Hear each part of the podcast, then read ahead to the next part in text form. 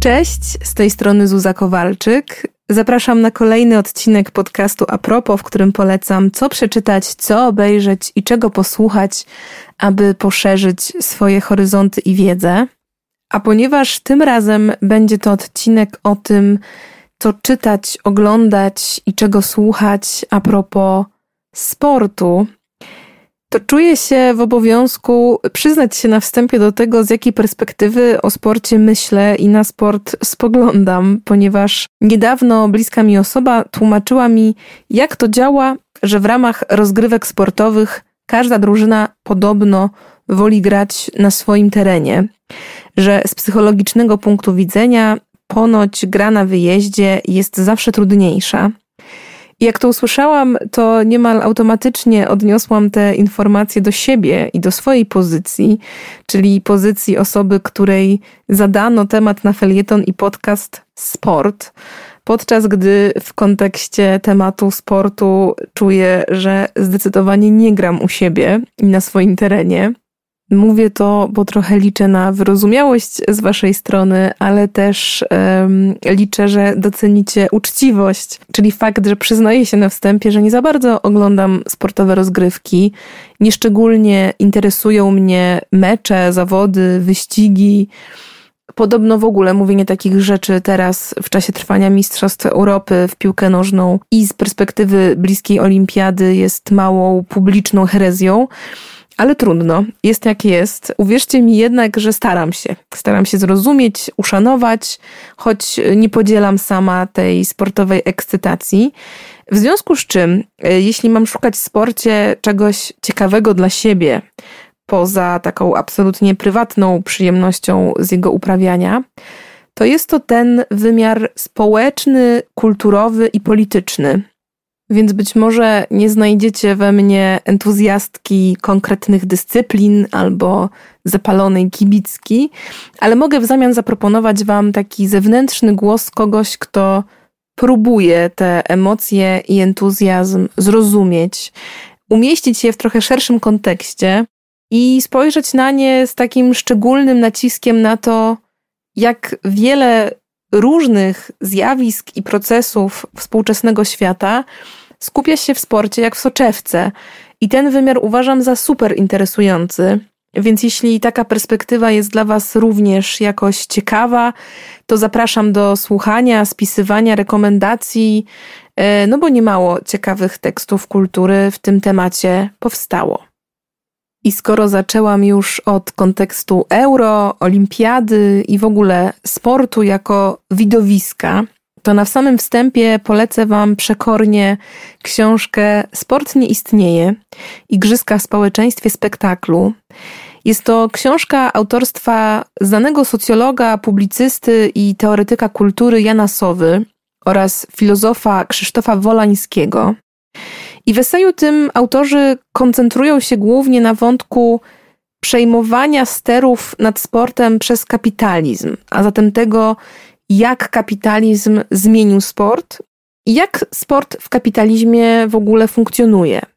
W kapitalizmie, czyli oczywiście w świecie bądź co bądź rosnącej roli pieniędzy i idących za pieniędzmi wpływów, co w nieunikniony sposób generuje no takie dość e, kluczowe pytania i wątpliwości.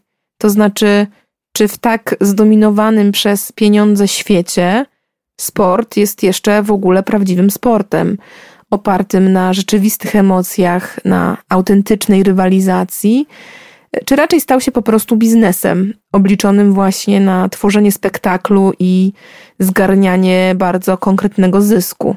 Bo z tej perspektywy rywalizacja głównie odbywa się na poziomie tego, jak zrobić możliwie najlepsze show, oraz na poziomie tego, która drużyna ma lepsze finansowanie, ma lepszego sponsora, trenera, lepsze zaplecze, bardziej niż na poziomie tego, kto rzeczywiście daje z siebie więcej.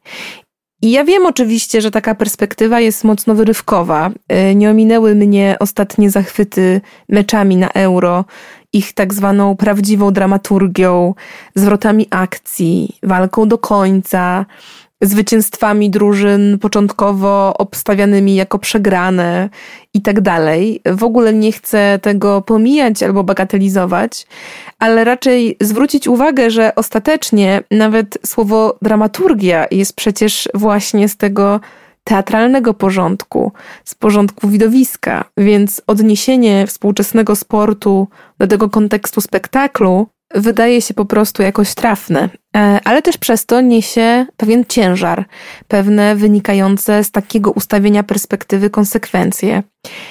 Ciekawym głosem, y, tym razem stricte z naszej lokalnej perspektywy, jest choćby polsko-ukraińska antologia esejów pod redakcją Moniki Schneiderman i Zerhija Żadana, zatytułowana Dryblując przez granicę polsko-ukraińskie Euro 2012.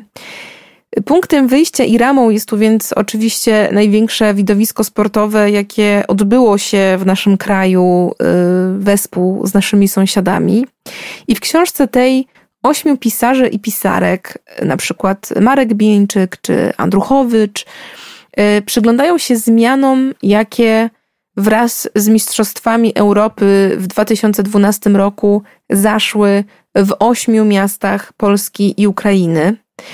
E, mamy tu więc wątki tego fenomenu tak zwanego piłkarskiego szaleństwa e, z naciskiem na wpływ e, tego przedsięwzięcia na lokalne społeczności i na lokalną politykę, ale też na tą politykę powiedzmy przez duże P, czyli tą politykę bardziej z poziomu wpływów międzynarodowych i tego, jak organizacja podobnego spektaklu przekłada się na znaczenie na arenie międzynarodowej. Y, jest to ciekawe ujęcie, bo właśnie mocno nasze, mocno lokalne, a przez ten antologiczny charakter też dość wielostronne. Więc jeśli kogoś wspomnienia Euro 2012 napawają jakąś ciekawością, sentymentem i chcielibyście do tego wątku wrócić, to ta książka wydawnictwa Czarne zdecydowanie poleca się Waszej uwadze. Ja bym tę analizę samego zjawiska, e, samego widowiska poszerzyła też o perspektywę antropologiczną. Na przykład takiego znanego profesora Johna J. McAluna, który zajmuje się tym kulturowym wymiarem widowisk sportowych i on na przykład proponuje takie spojrzenie na współczesne rozgrywki sportowe na tym wyższym szczeblu, jako na rodzaj wręcz rytuału, pewnej świeckiej ceremonii, w której chodzi o podkreślenie swojej tożsamości, na przykład tej narodowej, ale też o poczucie wspólnoty, o odtworzenie pewnej hierarchicznej struktury nas i obcych, zwycięzców i przegranych. I że w tym sensie sport staje się takim bardzo, powiedziałabym, oldschoolowym sposobem kanalizowania różnych społecznych potrzeb i lęków. Istnieją wręcz takie porównania mistrzostw sportowych do wojny, że jest to kontrolowane odtworzenie bardzo podobnych mechanizmów, bardzo podobnych emocji, że ten duch rywalizacji jest takim środkiem odreagowywania napięć. I to jeszcze taką metodą odreagowywania tych napięć, która łączy się z pewnym domknięciem, z pewnym rozwiązaniem, którego potrzebujemy, aby się oczyścić. Nie jest to zresztą oczywiście jakoś szczególnie wywrotowa czy innowacyjna teoria. E, przypomnę choćby książkę Ryszarda Kapuścińskiego, Wojna futbolowa, która opowiada przecież o konflikcie zbrojnym pomiędzy Hondurasem a Salwadorem w 1969 roku, który to konflikt, zdaniem wielu, był może nie tyle wywołany, ale raczej takim ostatnim ogniwem długiej historii napięć był w tym konflikcie przegrany przez Honduras mecz piłki nożnej w ramach eliminacji do Mistrzostw Świata. E, więc mecz stał się takim zapłonem, do, od którego wybuchło wiele innych iskier i w którym też dobrze umościły się lokalne nacjonalizmy, wzajemna nienawiść i właśnie historia nieporozumień. I taki punkt widzenia, taki punkt spojrzenia na piłkę nożną jako pewną iskrę, przyczynę, ale też jako narzędzie takiej społecznej, emocjonalnej i politycznej inżynierii rozwijają Anita Werner i Michał Kołodziejczyk, w książce Mecz to pretekst. Futbol, wojna, polityka. I jest to książka opowiadająca właśnie o wpływie piłki nożnej na kraje i ludzi żyjących w miejscach objętych jakimś konfliktem zbrojnym lub jakimś napięciem społecznym. Więc jest to perspektywa dość zawężona, ale niezwykle ważna, ciekawa i odsłaniająca bardzo istotne mechanizmy, bardzo istotne dla zrozumienia roli i znaczenia sportu jako takiego. Jest to przede wszystkim więc taki zbiór opowieści o dość tragicznym, ale niekiedy też właśnie niosącym nadzieję splocie sportu i polityki. Splocie, który wykracza no, daleko poza murawę boiska, bo wikła się w bardzo szeroki i złożony kontekst różnych napięć, różnych rozgrywek politycznych i nierówności. Ale najlepszą zachętę do lektury znajdziecie chyba na rewersie okładki. Jest tu taki fragment, który zaciekawił nawet mnie, kibico sceptyczkę. Można nie kochać futbolu, ale warto wiedzieć, jak wpływa na ludzi. Można nie być kibicem, ale warto zobaczyć, jak kibicowanie daje głos ludziom. Czuję się trochę adresatką tych słów, bo nawet jeśli nie podzielam tych sportowych emocji, to na pewno są one bardzo istotnym i takim nieusuwalnym elementem naszej rzeczywistości społecznej, a w miejscach na przykład dławionych jakimś konfliktem albo o jakimś niejasnym, nierozwiązanym statusie tożsamościowym, Rozgrywki sportowe mogą być wręcz narzędziem właśnie odzyskiwania sprawczości, odbudowywania jakiejś wspólnoty. I z tej perspektywy jest to na pewno przykład zupełnie innej opowieści o sporcie, ale takiej właśnie opowieści, która wydaje mi się bardzo ciekawa, istotna i nieoczywista. Opowieść tę z pewnością dobrze uzupełnia też choćby taka książka Nieco bardziej naukowa, ale też niezwykle ciekawa. Historia, nacjonalizm i tożsamość. Rzecz o piłce nożnej w Hiszpanii. Autorem jest y, Filip Kubiaczyk i jest to analiza związków piłki nożnej w Hiszpanii z historią tego kraju w kontekście głównie nacjonalizmu i tożsamości. Jak wiadomo, Hiszpanie w kwestii tożsamości narodowej nie są jednomyślni. Panuje tam wiele ruchów, y, myśli separatystycznych, jak choćby Baskowie czy Katalończycy. I to rozbicie tożsamościowe znajduje bardzo ciekawe odzwierciedlenie właśnie w kibicowaniu swojej drużynie, w piłce nożnej, która jest niebywale istotnym sportem w Hiszpanii. Jak wiadomo, w ogóle Hiszpania ma jedne z najlepszych drużyn piłkarskich i nie jest to w tym kontekście przypadek, bo ta piłka odgrywa tam bardzo szczególną rolę, bo to w niej tożsamości i te rozmaite nacjonalizmy skupiają się jak w soczewce i rozgrywają właśnie te swoje spięcia, e, na co przerzucane są o wiele bardziej złożone emocje społeczne. Te kluby piłkarskie są też bardzo mocno upolitycznione w Hiszpanii, przez co właśnie te rozgrywki sportowe stają się takim historycznym poligonem trochę. I uważam, że jest to niezwykle ciekawe spojrzenie na Hiszpanię, które polecam Wam z całych sił i którego dobrym uzupełnieniem jest też książka Ostatni Wyścig autorstwa Żana Hatzfelda. Jest to opowieść o etiopskim biegaczu Anianlechu Makedzie, którego zdyskwalifikowano z olimpiady w Pekinie w 2008 roku za doping i odesłano go do rodzimego kraju, który wówczas był w stanie wojny. Więc było to właściwie trochę zesłanie. W ogóle jest to przede wszystkim bardzo dobrze napisana książka, w której głos oddaje się tym, którym często niestety się go odbiera. I jest to również po prostu bardzo wstrząsająca historia, opowiadająca nie tylko o losach wybitnego sportowca, który doświadczył rozmaitych form opresji, ale też szerzej, bo o problemie uprzedzeń i rasizmu w sporcie tak w ogóle, a zatem o tej wciąż mocno obecnej niesprawiedliwości wpisanej niemal w tkankę tej sportowej rywalizacji i też dość mocno wypaczające jej oryginalne założenie.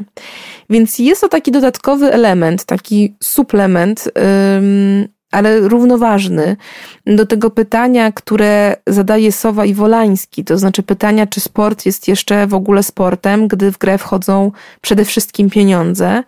I ja bym tutaj dopisała właśnie jeszcze płeć, kolor skóry, orientację, w ogóle rozmaite uprzedzenia, które niestety sport bardzo mocno kultywuje. Trochę o ten wątek zahacza choćby Michał Okoński w swojej książce Futbol jest okrutny, która obok tego, że jest wyrazem przede wszystkim miłości do sportu, do kibicowania, do piłki nożnej, jest też wyrazem takiej świadomości bezwzględności tej machiny, jaką sport w tym wymiarze rywalizacyjnym jest, właśnie na poziomie wykluczenia, nierówności, komercjalizacji i konsekwencji tego stanu rzeczy.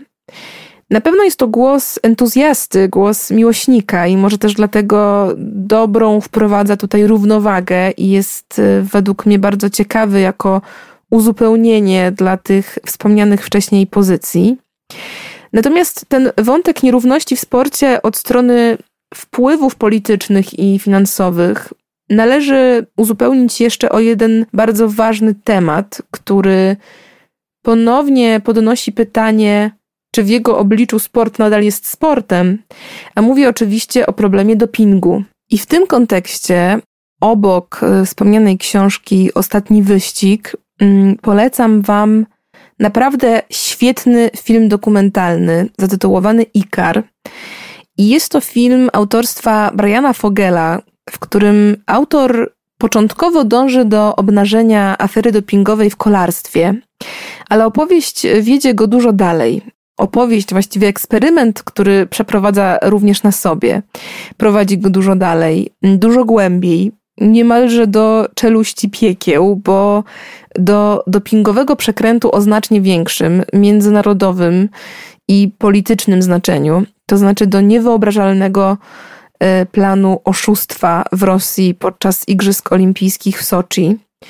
Poznajemy demaskatora tej całej dopingowej machiny i historii, czyli rosyjskiego naukowca Grigorija Rodczenkowa, który decyduje się opowiedzieć o tym, jak wierchuszka rosyjskiej polityki żąda od naukowców obmyślenia takich substancji i takich metod ich podawania, aby drużyna rosyjska z pewnością wygrała i aby oczywiście nikt tego przekrętu nie wykrył. W ogóle to zwycięstwo Rosjan na olimpiadzie nagle jawi się jako cel naprawdę stricte polityczny, a nie wyłącznie sportowym, co tylko podkreśla ten nieusuwalny splot polityki i sportu we współczesnym świecie. No i właśnie w ten sposób bardzo prędko od sportu dochodzimy do polityki, również w tym wymiarze warunków życia w państwie autorytarnym, w państwie opresyjnym, z takim mocno imperialnym zacięciem. Więcej nie zdradzam, ale jest to naprawdę bardzo mocny i bardzo ważny film, który pokazuje umoczenie sportu w politykę naprawdę jak rasowy thriller, więc bardzo mocno Wam polecam. Uważam, że seans obowiązkowy, ale jeśli ten temat niesprawiedliwości w sporcie interesuje Was bardziej od strony wykluczenia i dyskryminacji z poziomu chociażby płci, to obok analizy druzgocących różnic w zarobkach pomiędzy żeńskimi a męskimi drużynami i w ogóle tego, jak sport jest nadal patriarchalny i seksistowski, E, polecam lektury odkrywające historię kobiet, których dokonania bardzo długo, jeśli nie wciąż, e, pomijano, pomija się w historii głównego nurtu. A mówię wciąż, bo nadal mm, sport jest bardzo męski w tym mainstreamowym wydaniu. To właśnie w męskie rozgrywki i rywalizacje pakowane są największe pieniądze, to tam sprzedaje się wielkie kontrakty. Dodam więc w tym miejscu, że podczas gdy niemal wszyscy opłakują w ostatnich dniach przegraną Polaków w euro i niewyjście z grupy, nasza żeńska reprezentacja w piłkę nożną radzi sobie znakomicie. Ostatnio Polki wygrały z Czeszkami na przykład 5 do 0.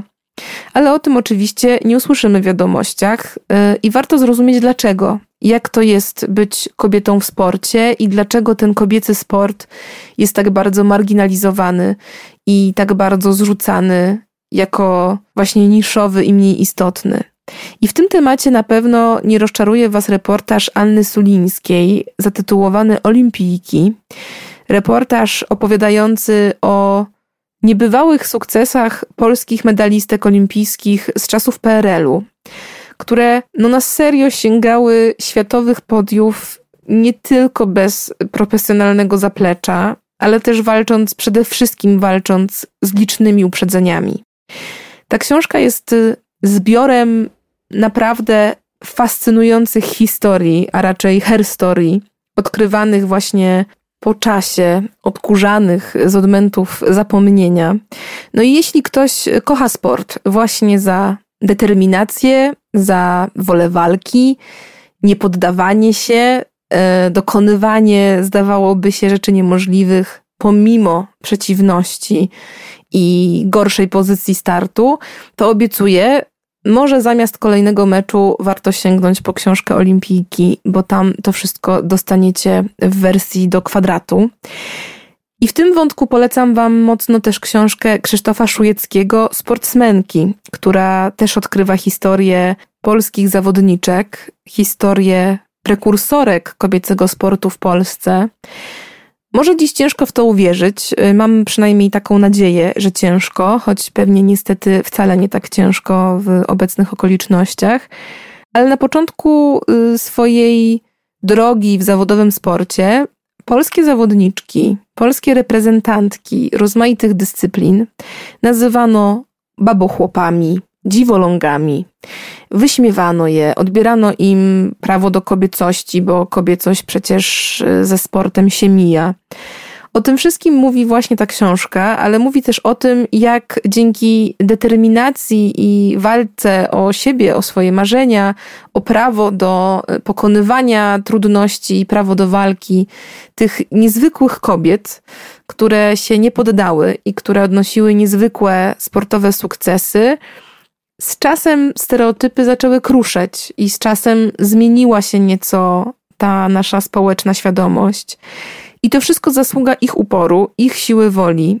Y, dla mnie, czytając takie opowieści, nie sposób wątpić, że właśnie wola walki i umiejętność przekraczania własnych ograniczeń nie ma płci, rasy, orientacji, może jedynie nie mieć właśnie wsparcia i pieniędzy i mimo to przebijać sufity. Więc jeśli coś mnie w sporcie pociąga i fascynuje, to właśnie ta wola walki i ta niezwykła determinacja.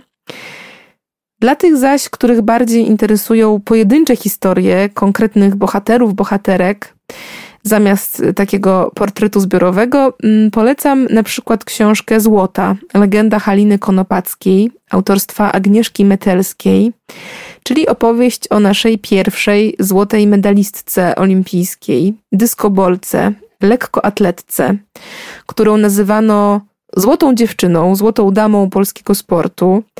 E, była to naprawdę niezwykła kobieta o niezwykłym życiorysie, której historia oprócz tego, że sama w sobie jest fascynująca i niezwykle warta opowiedzenia, zbiega się też z historią uzyskiwania przez kobiety praw wyborczych i w ogóle zmiany pozycji kobiet w społecznej świadomości. Więc za tej historii, indywidualnej historii, niezwykle ciekawej i uzdolnionej kobiety, przebija też historia w ogóle kobiet w polskim sporcie i życiu publicznym. I też z tej perspektywy ta książka wydaje mi się niezwykle wartościowa, potrzebna i ważna. Jeśli jednak kogoś interesuje właśnie ten rys historyczny, mm, i to w takim możliwie szerokim zasięgu, to powstała też bardzo ciekawa monografia Historia sportu. Jest to książka Wojciecha Lipońskiego i po tytule można już rozpoznać, jak ambitne jest to przedsięwzięcie. Y, ale właśnie dla uzupełnienia sobie tła, tego skąd się te wątki i kwestie, o których wspominałam, wzięły. Jak w ogóle kultura fizyczna przerodziła się w ten wymiar rywalizacyjny i społeczny, jak ta kultura sportu się rozwijała, zmieniała, przeobrażała na, na przestrzeni dziejów. No jeśli kogoś te wątki i te tematy ciekawią, to na pewno warto po te pozycje sięgnąć. Y, Zwłaszcza, że historia sportu jest historią pełną ciekawostek, różnych dziwności, nietypowych dyscyplin. E, jest to też analiza właśnie samego przeobrażania się sportu w tę postać, jaką dziś znamy. Więc myślę, że dla osób sportem zainteresowanych e, i dla tych, których w ogóle taka historia tych głównych społeczno-kulturowych zjawisk jest ciekawa, mm, to ta książka na pewno będzie ważna i użyteczna.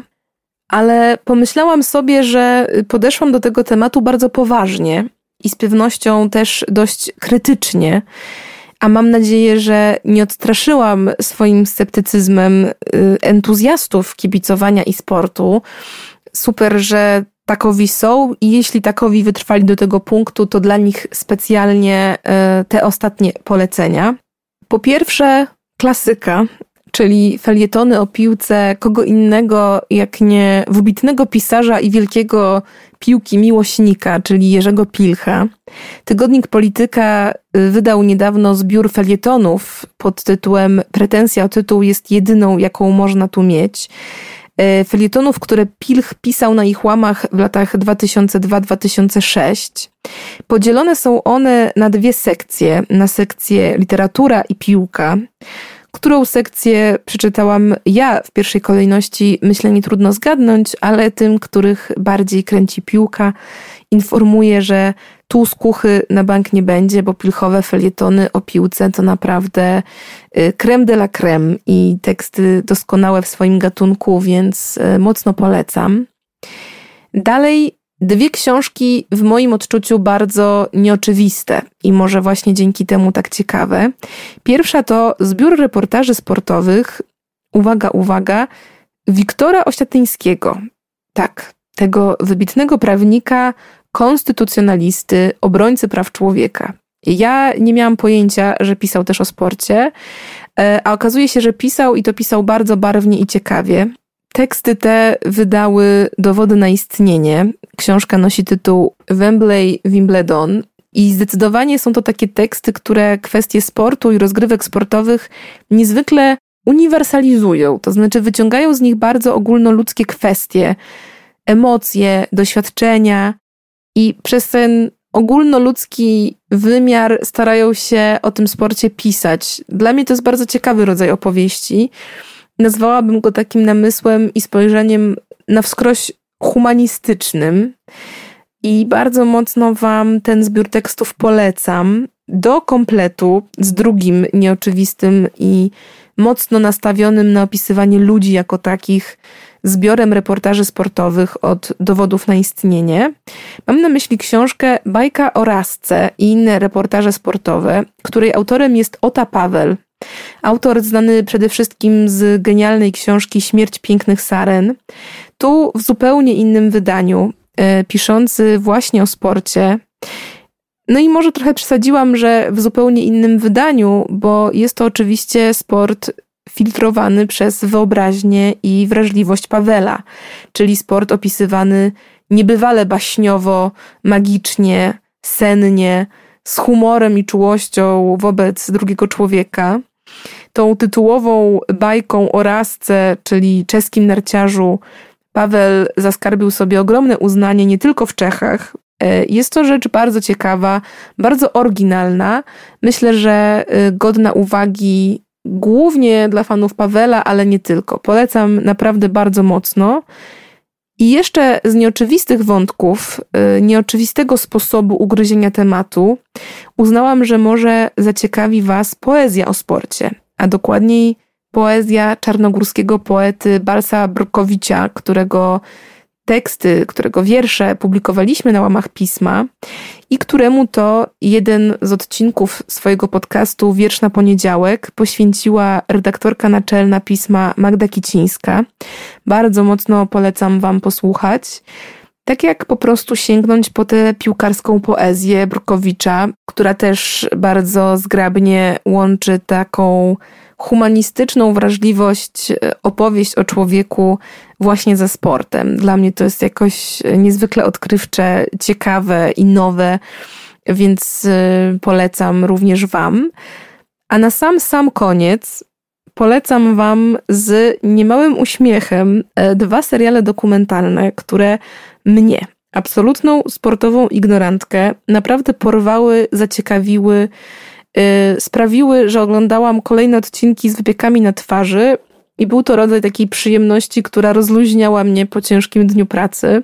Są to dwa seriale dokumentalne Netflixa, które oglądałam z moim partnerem, który śmiał się, że zaproponował mi wspólne oglądanie. Ja powiedziałam, że dość niechętnie, ale w końcu dałam się na próbę przekonać y, i ostatecznie wkręciłam się bardziej od niego.